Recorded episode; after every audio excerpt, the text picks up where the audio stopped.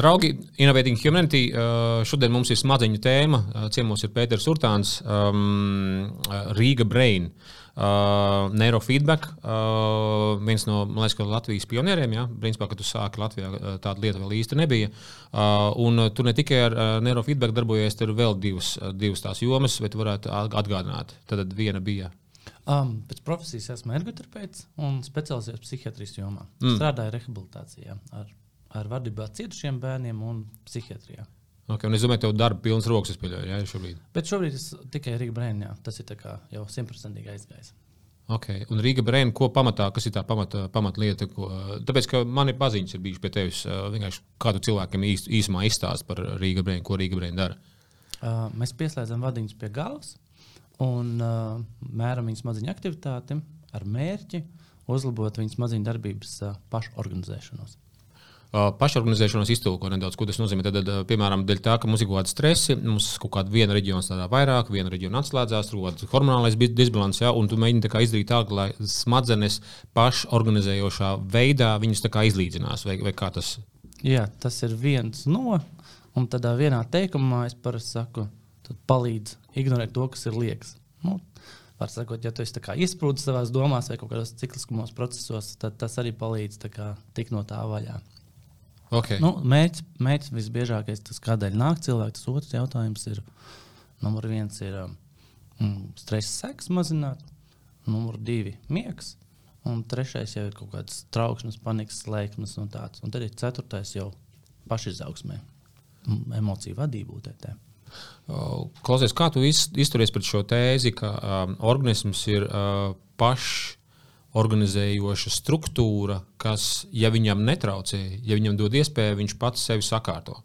O, viennozīmīgi, pat arī mācību procesā mēs jau pie tā strādājam. Nu, arī pat uh, medicīnas akadēmijā, kad mācījos, jau par to tiek runāts. Un, uh, man bija tā iespēja mācīties. Uh, varētu teikt, nevis tajā padomju skolā, ja, bet uh, no Zviedrijas, kas tikko ienākusi, līdz to viņam tā pieeja tāda. Tajā laikā jau bija inovatīva, jau visi domāja, ārpus ko viņi tur ir, bet viņiem ir standartizētās apmācības.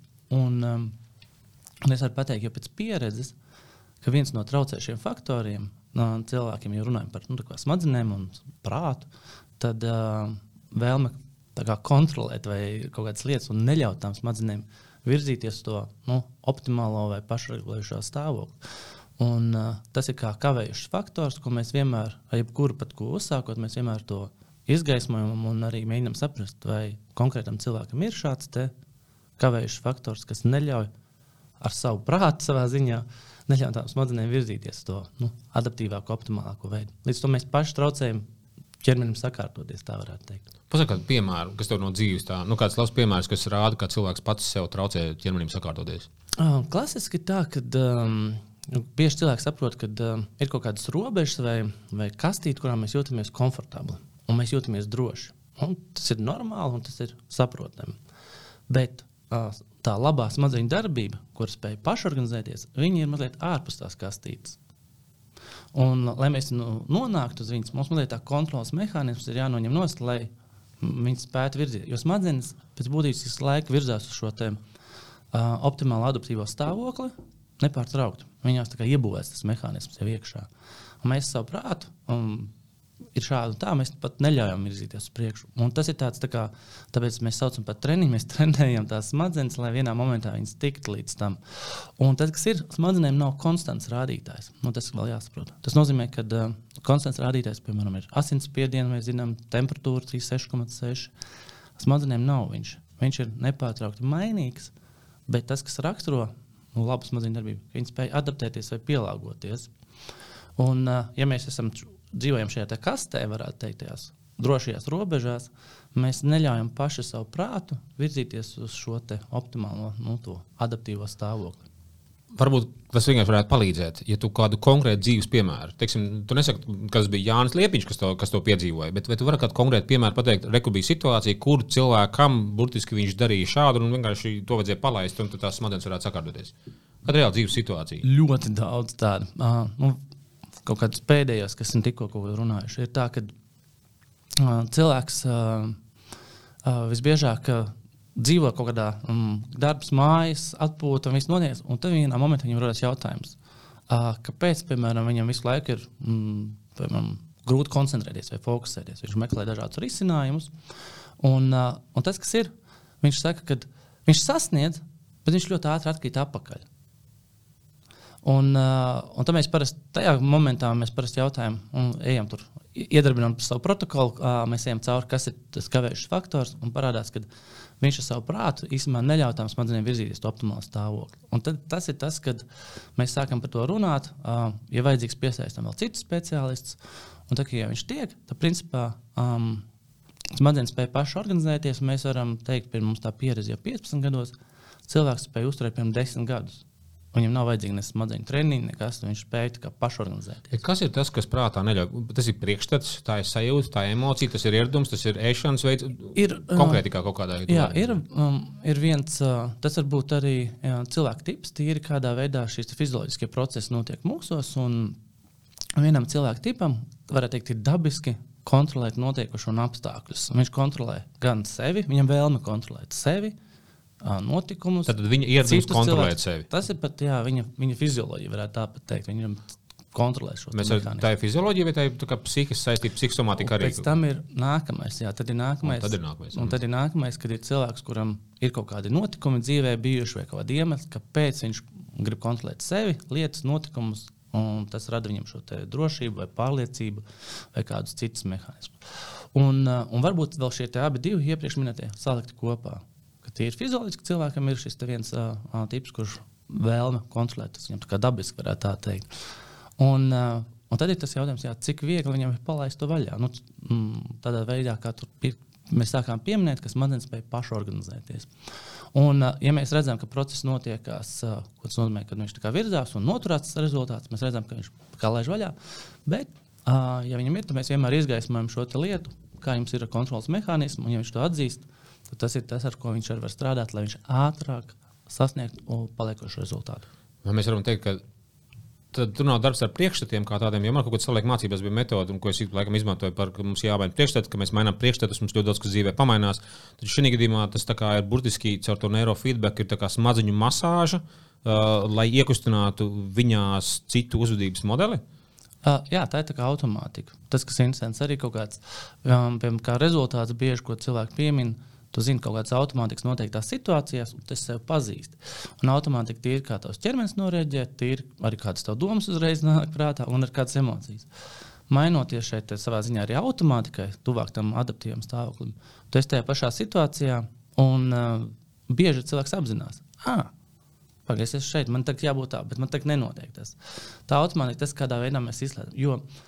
Um, visbiežāk arī cilvēks strādā un ir jāstrādā no abām pusēm, uh, gan ar šo prātu un domāšanu, tur behaviorālā terapijas ja, metodas, kas ir nepieciešams.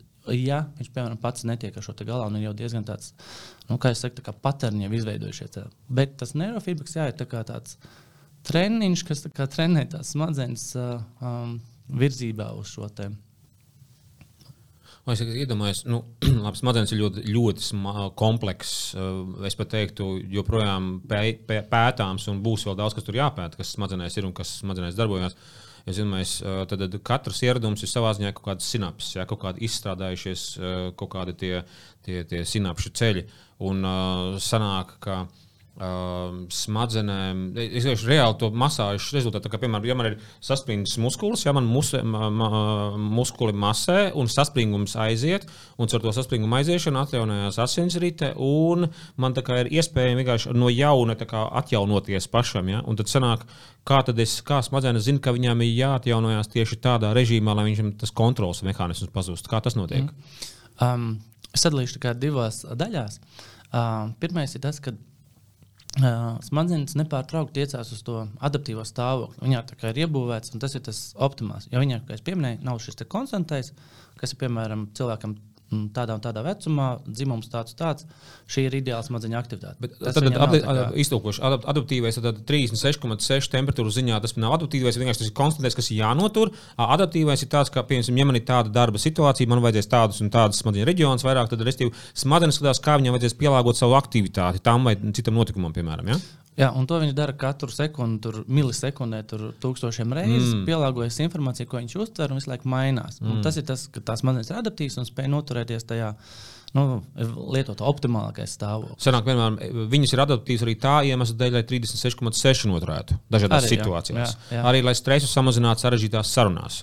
Jā, Mhm, mm -hmm.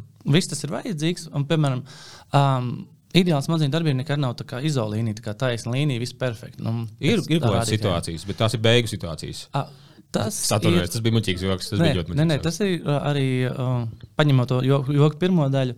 Piemēram, lietojot uh, medikamentus, piemēram, psihiatrijas jomā, ka mēs esam novērojuši, ka piemēram, smadzeņu darbība, šī aktivitāte ir nu, varētu teikt, ideāla. Nu, pēc rādītājiem, ko mēs skatāmies, tur smadzeņu viļņiem, tam līdzīgi. Viņā nav klātesoša šī te, uh, dinamika, viņai nav šī adaptācijas spējas. Un cilvēks saka, es esmu mierīgs, viss ir forši, bet man nav tāda dzirkstela. Nu, dažreiz arī cilvēki, kas ar sevi ļoti daudz strādājuši, viņi arī nonāk pie mums. Tas interesantais tas teiciens, ko viņi saka, viss ir perfekti. Es esmu tādā vienā punktā, var ilgi un dikti skatīties, bet es jau to daru desmit gadus, un man cirkstēl pazudus, nu tāda cirkstā dzīve. Un, jo tas ir tas, ko atkal tā adaptīvā smadzeņu darbība pielāgo. Tu vari uzkrāpt līdz visaugstākajiem rādītājiem, un pēc tam tur var ātri no, nu, nolaisties atkal tajā adaptīvajā stāvoklī. Tā, tā, tas ir tas, kas raksturo, nu, varētu teikt, labu smadzeņu darbību, šī smadzeņu adaptivitāte un dinamika. Bet no dzīves, piemēram, tas otrs, uz tavu jautājumu atbildot, ir tāds klasisks piemērs, kas man nāk prātā. Cilvēks zina, kā viņam strādā smadzeņu darbība, nu, viņš zina, kā, kā viņš domā, kā viņš koncentrējas, kāda atmiņa viņam, viņam par to nav sūdzības. Viņš ir par to apmierināts un varbūt pat ļoti priecīgs. Dzīvē kaut kas notiekās. Um, visbiežāk, ko es novēroju, ir nu, tajos stāstos, kad ir bijusi kaut kāda galvas trauma, vai nu avārija auto, vai kaut kas vēl. Ir bijusi um, rehabilitācija, ir atjaunošanās, viss ir. Tā arī viņš bija. Tas teksts līdzīgs. Viss, saka, viss ir atjaunāji, atjauninājies, bet manas smadzenes vairs nestrādā kā iepriekš. Viņu, es varu koncentrēties, es varu atcerēties, bet nav vairs tā Tā asuma? Tā, tā asuma mm -hmm.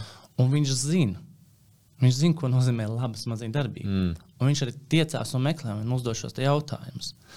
Cilvēks, kas to nav piedzīvojis, viņš domā, ka tā ir tā labākā smadzeņu darbība no savas perspektīvas.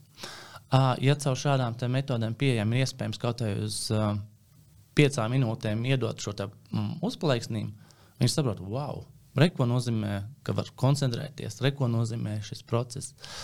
Un, uh, un tālāk jau ir tā darbs uz to, lai mēs tur nonāktu. Uh, nu, tad ir daudz faktoru, kas to var ietekmēt, uh, kā cilvēks tur, ko mēs pieminējām, kā viņš tur domā, uh, kā viņš skatās šīm lietām un, un citas. Šis ir interesanti, jo man ir visu laiku bijis tā sajūta par to, ka man ir dažādi stāvokļi bijuši smadzenēm. Uh, kaut kādā bohēmas posmā, viens, kad es esmu bijis sportā, vēl kaut kas cits, kad es esmu bijis daudz jogā, ar tādu uh, jogā, kas ir tāda izturības joga, kas viņa jāsa joga, atkal cits. Un, un katrā tajā posmā ir bijuši savā ziņā citi hormonālai stāvokļi, līdz ar to arī citi smadzeņu stāvokļi.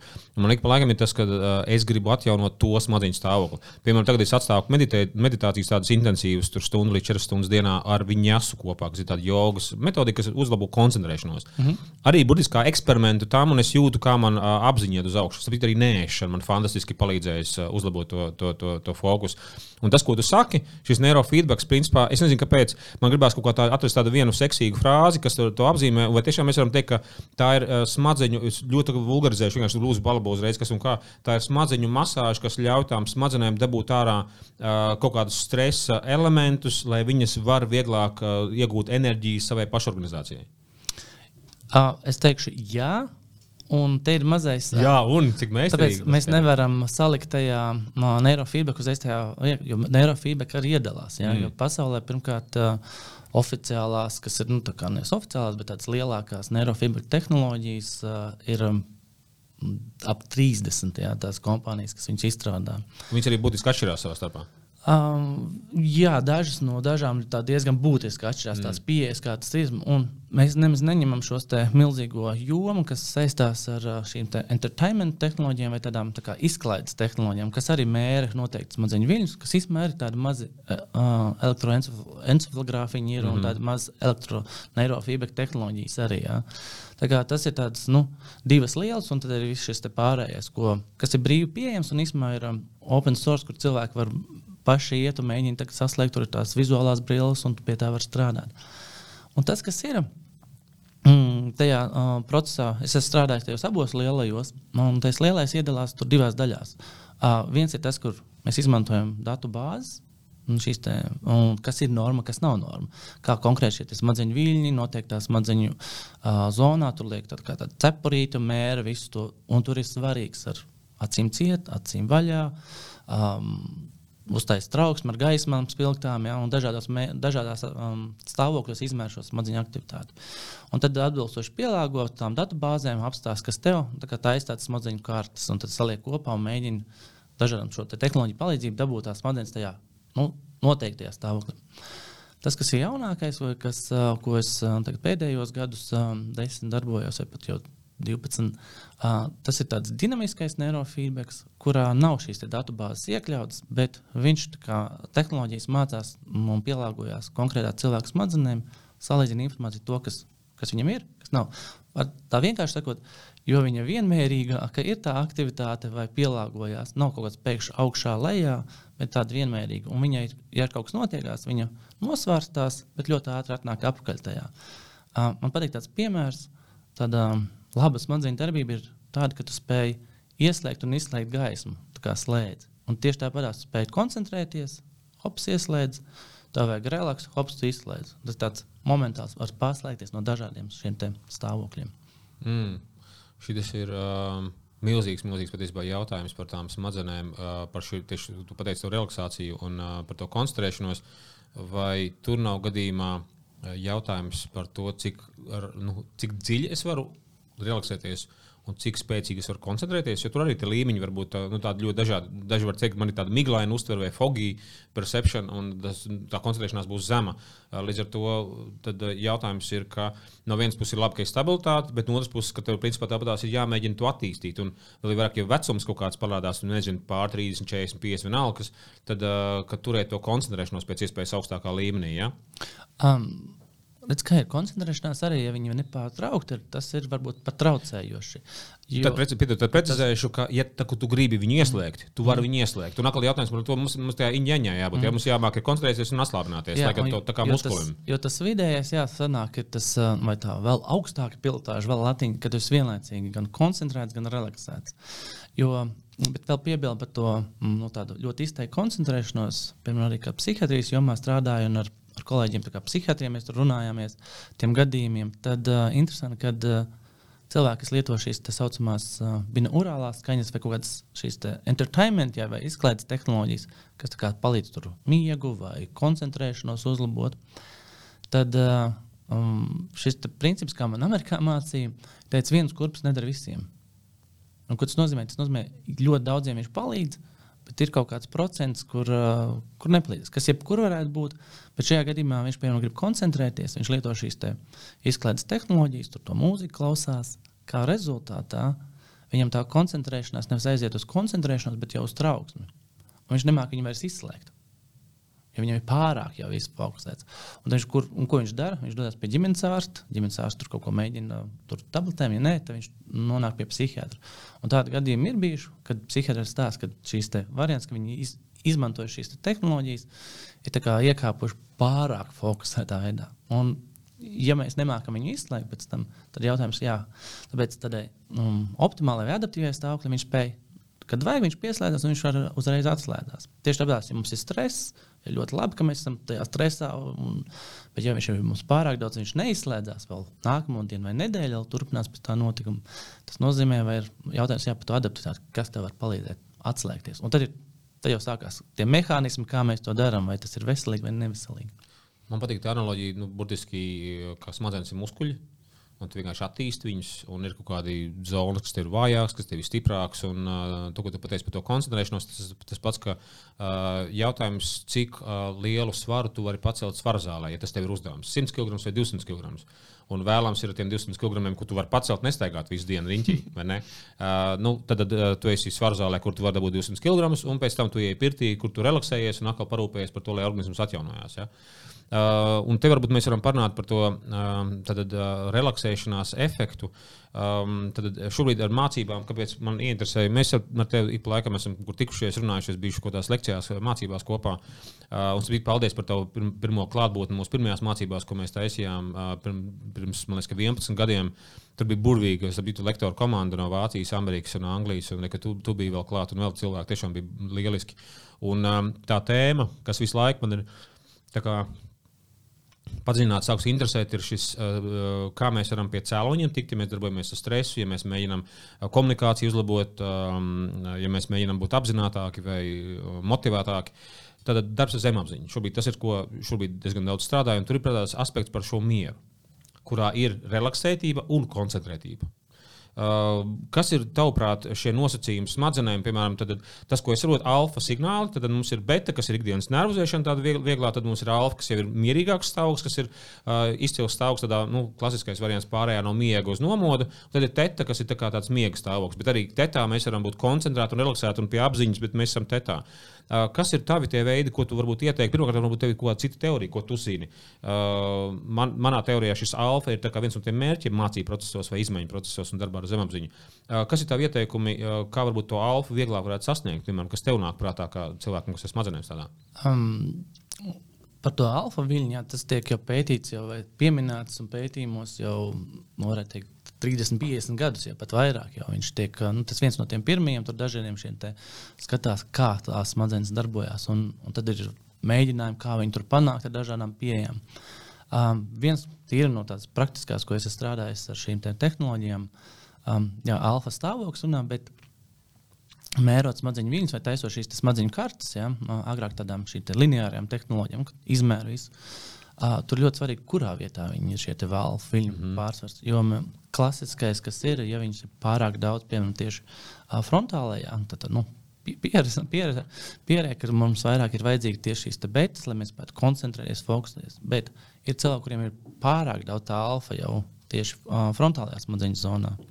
Tad klasika ir, ka tad viņiem ir šīs grūtības koncentrēties, fokusēties. Viņiem ir vajadzīgs ir vairāk saka, aizmugurē tā alfa, tad uh, un priekšā vairāk. Bet tas ir tas līdzsvars, ko mēs um, agrāk strādājām ar šīm līnijām, mēs mēģinājām kā, panākt to. Uh, ja mēs skatāmies šobrīd tām tehnoloģijām, ko strādājam, mm, pat nav svarīgi, kas tur vairāk vai mazāk, bet kā viņi principā no. No šobrīd mēs skatāmies no 0 līdz 63 Hz, kā viņas katru frekvenci pārstāsta labajā, kreisajā. Un šīs amplitūdas. Tad, jo, jo zemāk, jo tuvāk ir delta, teta un tā tālāk. Jā, jā. Ir delta, teta, alfa, beta un gamma viņi. Un, un viņi skatās jau ne tikai to vienu alfu, bet skatās principā no 0 līdz 63. Vienā pusē, no otrā pusē. Katrai vienā smadzenē puslodē, otrā smadzenē puslodē. Un reālā laikā, jā. un tas notiek sekundē 256 reizes. Tas ir Turpat tāda tā kā kastītes uzliekās, nu, tā kā diapazona, ja, ko mēra. Nes, neskatās tikai tur vairs alfa. Ja. Un tad to vienu salīdzina ar visu to pārējo. Un piemērs ir par to, ka uh, um, arī Amerikā, kā man mācīja, kad es mācījos tur vairāk par tām smadzeņu darbībām un tām tehnoloģijām, man patīk, kā viņš teica, tā, ļoti vienkārši vārdiem. Viņš teica, tā, visi tie dzīves groži, nu, vai pārdzīvojumi, viņi tā kā nogrimst lejā. Viņi tajās uh, um, apakšā delta, teta un alfa. Un tur ir konkrēti pat izpētīts, ir uh, aptuveni 6,5 uh, Hz. Kur, Un ko mēs arī pat, uh, mēs pat neveicam diagnozi. Mēs esam pie tetas, ja tas ir. Nu, pie te, ar uz robežas ar tetu un alfa. Jā, jā, jā. jā. Uh, no 6 uz 7 tāpat varētu būt. Un, um, un tas, kas ir, uh, tā, uh, mēs pat neveicam šos mērījumus, nu, kā diagnostiku, bet uh, vizuāli mēs uzliekam uz labās, kreisās smadzeņu puslodes šos sensoriņus un redzam šo smadzeņu aktivitāti. Tad cilvēki, kas pirmo reizi pieslēdzās, no nu, teikt, 80 līdz 90% ir šis te, kur ļoti izteikti šī te, um, amplitūdas, kā viņas svārstās, ļoti izteikta aktivitāte. Un tas, kas ir, ja mēs no 0 līdz 63 šos visus, visus kopā skatāmies, tad šis ir zona, ko mēs neaiztiekam. Un, un tam ir pamatojams, jo, ja mēs viņu sāktu rādīt un, un pielāgoties visiem aktivitātēm, lai viņi būtu atbildīgi, tas ir biežāk ar cilvēkiem var būt šī te, um, diskomforta vai nāk kaut kāds augšā pacelt kaut kādas lietas, kam viņš no tām gatavs.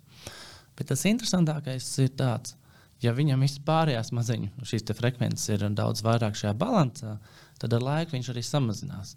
Un līdz to viņu vairs šī zemapziņa, ko tikko pieminēja, neietekmē kaut kādu lēmumu izvēlēs vai tieši kur beta darbībās. Kas ir tas autors, kas teica par šo, ka tetā un deltā nobāzējās visi grūži? Mm, Amerikā, kad es mācījos, ir, viņš ir vēl izpētījis, um, viņam ir šī te, um, tehnoloģija, kādā veidā, es vārdu tagad nepacerēšos, bet pastīšos, bet viņam ir tehnoloģija, kādā veidā uh, mm, nu, atbrīvoties no traumām. Mm. Un, uh, viņš, uh, viņš to ir izstrādājis, viņa par grāmatu tur sarakstīts ir par to trauma release, uh, tā tehnoloģija, tā TRL, ja viņi ieraksta, tad var atrast viņu. Mm -hmm. Uh, man tāds praktisks jautājums, piemēram, tas, kas šobrīd man interesē arī kā mācību procesa veidotāju, vadītāju, ir tehnoloģijas, kas var palīdzēt mācīties. Vai ir kaut kādi uh, instrumenti, kas mēra smadzeņu aktivitāti, šobrīd, kas varētu būt palīdzoši uh, cilvēkam saprast, vai viņas smadzenes šobrīd ir vajadzīgajā stāvoklī. Ja, piemēram, tu minēji par to priekš, priekšējo daļu, kas ir prefrontālais korteks, kā, kas ir tāda nosacīta mūsu tādā intelektuālā, mm. humana executive function, ja, kas ir vadīšanas funkcija, ka viņiem jābūt betā. Es to nebiju dzirdējis, šo, šo, šo lietiņu. Ir kaut kādi aparāti, kur ir divi punkti. Pirmais, kurām zonām jābūt aktīvām, un kāds stāvoklis tev šobrīd ir? Tas ir tas, ko pētījumos, kad izmanto, ir um, liek tāds cepurītis, ka tu reālā laikā vari nu, izmērīt uh, visas tās galvas būtiskākās smadzeņu zonas. Klasiskākais ir encefalogrāfs, ja, kas ir kā nu, dažādi. Jā, bet viņu, uh, jā, tas tāds klasisks, principā visi jau ir elektroencefalogrāfs. Tās kastītes tikai kā tās tehnoloģijas apstrādā šo digitālo informāciju, mm. ko viņi pies, piefiksē. Un, uh, Ir headset kaut kāda, nezinu, kā latviešu to sauc. Jā, ir piemēram e-motīvi, tāda viena, ko visbiežāk pētījumos izmanto. Viņas arī viens no dārgākajām tehnoloģijām, bet viņas precīzāk ir. Un tad mēs varam redzēt tās smadzeņu kartes reālā laikā. Mm. Jā. Um, piemēram, tur, spēlējot klavierus, viņš tad ieiet tādā zonā, tur redz, kā tā aktivitāte pāriet no frontālās uz, uz occipitālu, nu, uz, uz aizmugurēs smagani, kā tas notiek reālā laikā. Un tas ir tāda, piemēram tādiem nu, pētījumiem, kur viņi grib datus ļoti precīzi, tad viņi izmanto šādas te tehnoloģijas. Bet uh, šie mērījumi ir dārgi. Cik maksā tā, tu teici, tā emotīva, cik tā maksā tāds headsets? Uh, headsets ir viena cena. Uh, aparatūra no, no, 2 līdz, jā, no 2 līdz 5 tūkstoši, ko var iegūt, bet pēc tam tev ir kā, uh, softs, ko tu, un pēc tam ir datu apstrādes, kaut kā tev vairāk softi atbilstoši, kas tev ir vajadzīgs. Līdz ar to tev tas Um, jā, tev līdz 5000 tikai tas sauc, varētu izmaksāt, nu, tehnoloģijas izmaksāt, bet, ja tu vēl tur softu piepēst, tad tur gan izvēlē abonements, tad ņem uz mēnesi vai ko.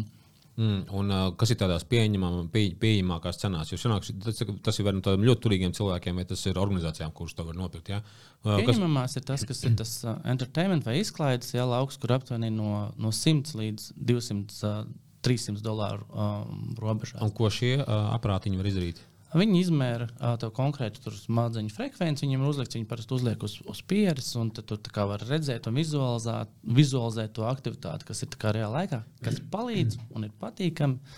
Bet līdzīgi es saku, tu vari to izmantot arī pulsu mērot. Ja? Nu, piemēram, cik tu uztraucies vai neuztraucies. Ja? Tas uh, pulss jau ir biofeedback tev arī, ja? kad tu uzliec un izmēri. Šīs tehnoloģijas visbiežāk, ko es esmu dzirdējis, cilvēki uh, Rentgens nopērk, viņi kaut kādu īsu laiku lieto, bet viņas, kā, viņas netiek lietotas pēc tam il, il, ilgtermiņā. Jā, mums bija vienās mācībās, mēs biofeedback izmantojām. Un, uh, Tur bija stāsts, ka, ja mēs esam uztraukšies, tad arī mums samazinās šī spēja mācīties un uztvert informāciju. Un tad, kā eksperiments bija, tas bija tāds diezgan tāds vaļīgs pasākums, kur bija jau vīns, stūrī stāvēja un gaidīja mācību beigās. Un es teicu, varbūt kāds grib ienākt priekšā un apstīties, ko vīns izdara. Un tad tiešām iznāca viena lēdija, viņa brīdī uztrauksies, iedzēra vīniņu, nomierinājās, un viss tik ļoti labi aizgāja, tas process un tā tālāk. Um, starp citu, tad, uh, šeit parādās tas uh, elements par to mieru kā tādu, un kas ir smadzenēm, smadzenēm labākie stāvokļi, lai mācītos. No tādiem parametriem, ja tu tā nosaukt, kas, kas būtu smadzeņu parametri, kas ir vajadzīgi. Um Tur, tur nebūs tāds viens uzreiz. Es domāju, tur skatos, jā, tur, tur uzreiz būs ārkārtīgi daudz parametru. Varētu tikpat labi iet arī no, no, no hormoniem, jo arī viens no lielajiem jautājumiem, kas man vienmēr ir bijis par to, ka vai mēs neutralizējam kortizolu pietiekamā apjomā, lai tur, teiksim, ja mēs varam oksitocīnu dabūt iekšā, kas neutralizē kortizolu, tad tas ir viens no tad, to, ko es mācībās ļoti reti stāstu, ka es daudzas darbības daru, lai neutralizētu kortizolu ar oksitocīnu palīdzību, mm -hmm. kas, kas principā atkal sanāk, ļauj smadzenēm veidot jaunos savienojumus un no tālāk joprojām. Un skaidrs, ka es nesātīšu visas tās Tas, kas lietas, ir, bet- uh, vien, viens jau skatās uzreiz vecuma grupu. Ja? Uh, piemēram, tāds, uh, pusauģiem piemēram, ir savādāk. Ir tas hauss smadzeņu darbība. Viņiem, piemēram, lai viņš labi mācītos un atcerētos, viņam ir vajadzīgs šis stress. Tik, un, un, un tas, ko es parasti saku, ja vecāki, piemēram, pusauģu vecumā tieši ļoti ierobežo savu bērnu, un, un es parasti saku šo te, um, nu, piedzīvojumu vai adrenalīnu, ja, kas vajadzīgs, vai šo stresu, ko viņš ir caur kādām aktivitātēm, ja viņš nav kontrolētā veidā. Um, nogādās, tad viņš meklē kaut kur citur.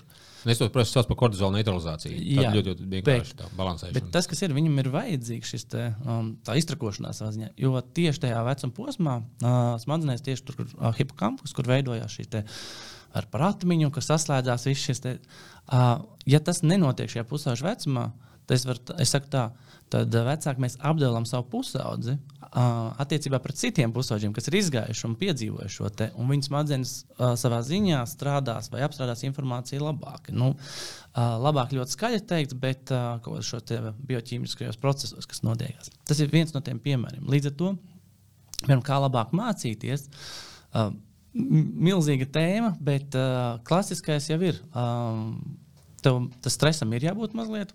Ja tu neesi, tā kā, mm, jo pilnīgā relaksācijā, tu arī iestājās tas slinkuma periods. Tev jābūt šī, te, kā es saku, motivētam stresam. Bet iztūko man stresu no smadzeņu viedokļa. Ko tas nozīmē? Bet uh, prefrontālajā korteksā, šeit tā, tas no- nosītais uh, mazais nerviņš tur.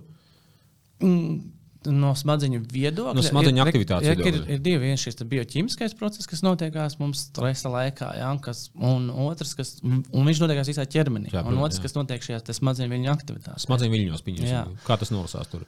Tāds klasiskais, kā es parasti to bildi rādu, piemēram, starp labo un kreiso smadzeņu puslodi, tad šī te aktivitāte ir. Visbiežāk viņi ir uh, ne tikai kaut kāda viena konkrēta frekvence, viņiem principā visas ir. Jā, protams, Jā. mums visu laiku ir visas frekvences. Bet tad viņas ir tā kā, tā kā uzplaiksnīgi. Viņš, mm -hmm. viņš viss ir ugunīgs. Jautājums ir tāds, uh, un tas ir raksturošo labu smadzeņu darbību, cik ātri no tā milzīgā amplitūdē, kas viss, nu, viņš patiešām tā var izteikt, tā kā deg. Ja? Bet tas nenozīmē, ka cilvēks vizuāli izskatīsies, būs stresā. Tas arī interesanti ir. Bet cik ātri viņš šīs te aktivitātes spēja nonākt atkal uz šo te, uh, mierīgā, harmoniskajā aktivitātē.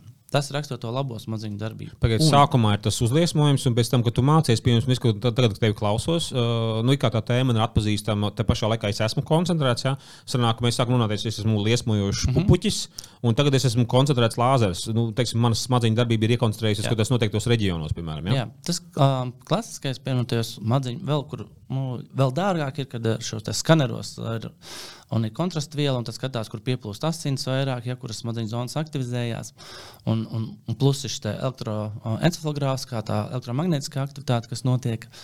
Tad, um, ja mēs kaut ko jaunu, nu, klasiski varam uzreiz saprast, nu, riteni braukt, ja? mēs kaut ko nezinām. Viņš ir uzplaiksnīgi milzīgs. Bet tā kā mēs esam jau iemācījušies, mm. darām tieši to pašu darbību, tad īstenībā viņi mums pat nomierina šī aktivitāte. Un, uh, Piemēram, arī es atceros, starp citu, tavās mācībās, ka mēs bijām un arī slēdzām tur dažādas tur mūzikas un asociācijas, skatījāmies, kā cilvēkiem ir. Tad es atceros zāģis. Žig, žig, žig. Ir, ir un vairākam cilvēkam vai nu tur neitrāli, vai pat tāds nu, stress izsauc. Bet pēkšņi vienam cilvēkam oh, tāds miers un harmonija. Ja? Uh, Jautājums, kā, kāpēc, kas kur kā, viņš ir galvenais. Tas ir tas, kas viņam patīk, un viņa nomierina.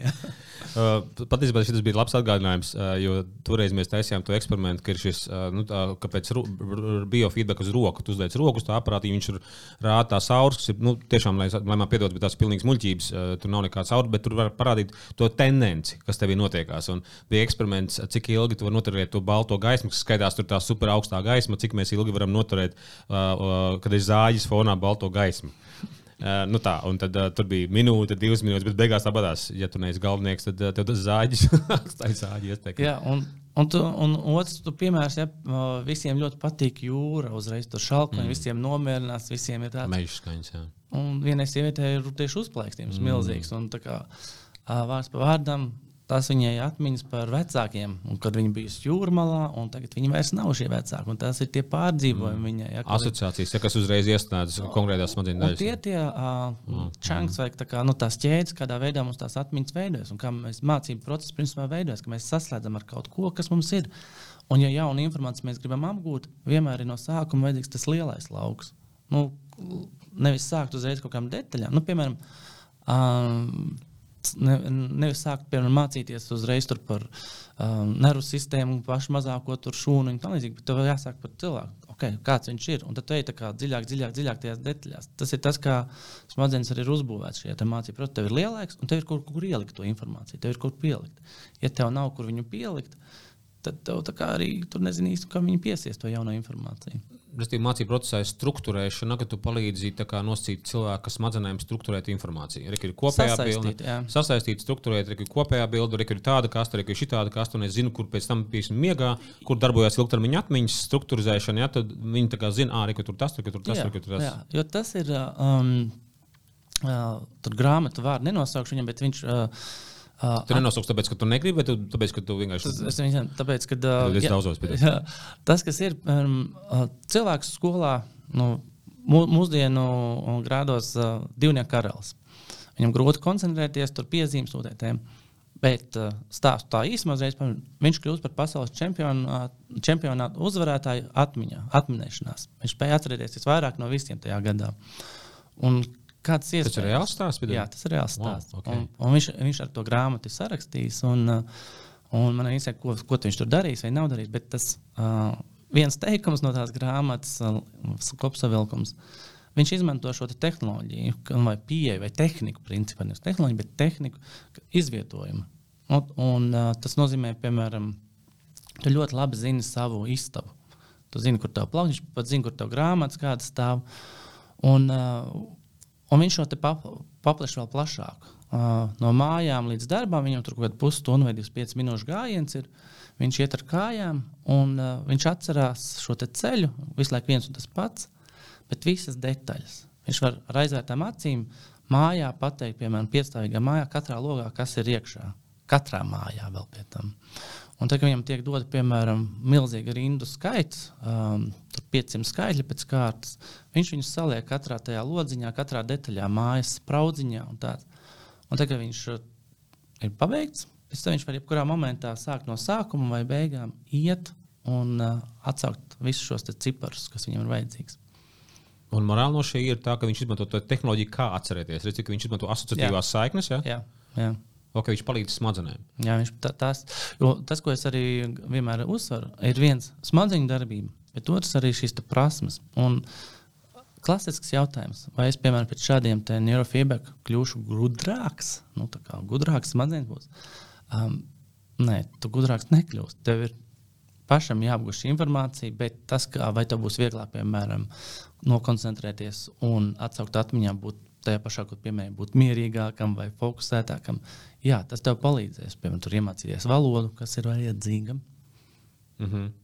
um, nu, jā, smadzenes ir principā kā analoģija ar ķermeni. Ķermenim vajag masāžu, ķermenim vajag atpūtu, ķermenim vajag uh, uzturvielas. Un esot leģenda, ka smadzenes esot ķermenī. Tā runājot. Tā, tā, tāda esot leģenda. Jā. Klausies, aizjot vēlreiz pie šīs tēmas par to mācīšanos.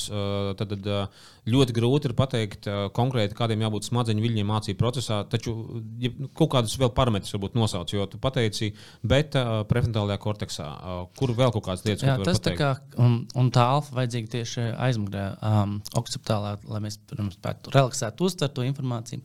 Jo vislabākais jau ir, ka tu esi tajā relaksēti, koncentrēts, nu, tāds tā kā pa vidu. Um, un, uh, un es parasti cilvēkiem mums arī saku, tu iestājās tāds, um, ir labs tāds teiciens, pozitīvā vienaldzība.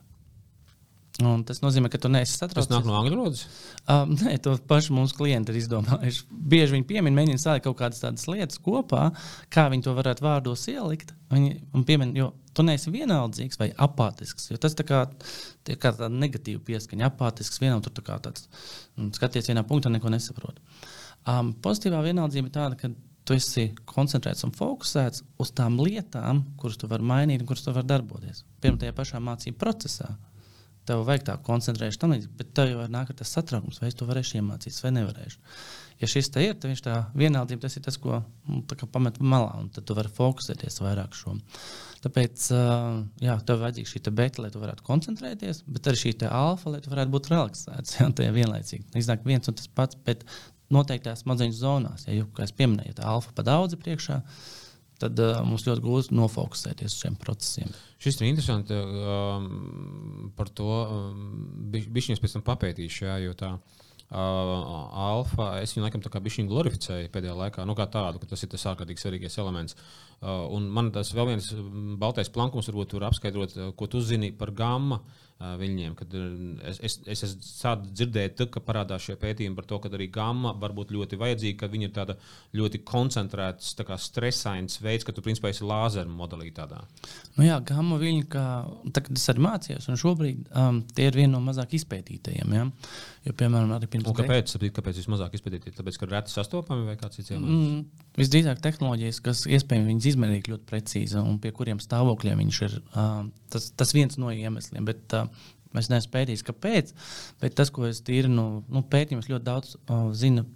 Tas ir viļņu ātrums, kā delta, teta, alfa un beta, un tad ir gama. Viņš jau iet visu laiku uz augšu. Ja? Tas, tas ir tas, kas mums vairāk zināmais, ko mēs spējam saredzēt ar tehnoloģijām. Ja? Un pēc tam detalizēt, detalizēt. Piemēram, pirms desmit gadiem mēs ar uh, gama viļņiem vispār nu, tā tās kastītes nelikām virsū. Mēs līdz cik man liekas, ka 43 Hz strādājam. Ja, tā kā mēs pat augšā, augšējās beigās tam būtiski neiztikām. Ja, tagad tās tehnoloģijas nu, 20 gadu laikā ir, mm. protams, gājušas priekšā.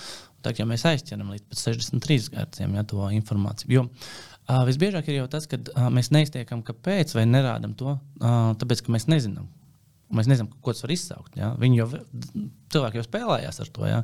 Bet, ja tu nezini, tev nav droši, tas, uh, dabūtu kaut kāds apstiprinājums, piemēram, tas FDA, tas ir Food and Drug Administration, Amerikas. Kā, nu, kā tu klasificēt? Ja tu ies kaut ko tādu, kas nav uh, apstiprināts ar vairākiem pētījumiem, tu vairs šīs tehnoloģijas nevar, nu, teikt, certificēt vai nu, vairs nevar pielietot cilvēkiem. Ja?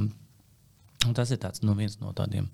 Nu, tā, līdz tam nezināmais, kas tur augšā vēl notiek, kas tur var vēl, vēl pētīt un skatīties. Jā. Okay, es tev, piedod, es tev pārtraucu, laikam, tad uh, labi, ka ir tā beta priekšā, alfa ir aizmugurējā smadzeņu daļā. Ja? Uh, jā, jā. Kas vēl?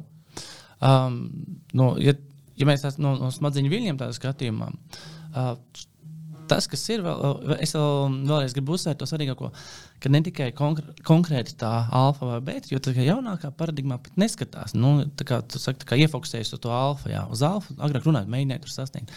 Bet jāskatās visas frekvences, kā viņas savstarpēji atkal. Tas ir vēl viens svarīgs faktors. Gan kā ir delta, teta saistībā ar betām, gan labo, gan kreiso smadzeņu. Viņi tā kā visas, visas jāskatās kopstīs. Um, jo atcerieties, ka piemēram, piemēram stresā, kad ir milzīgs uzplaiksnības.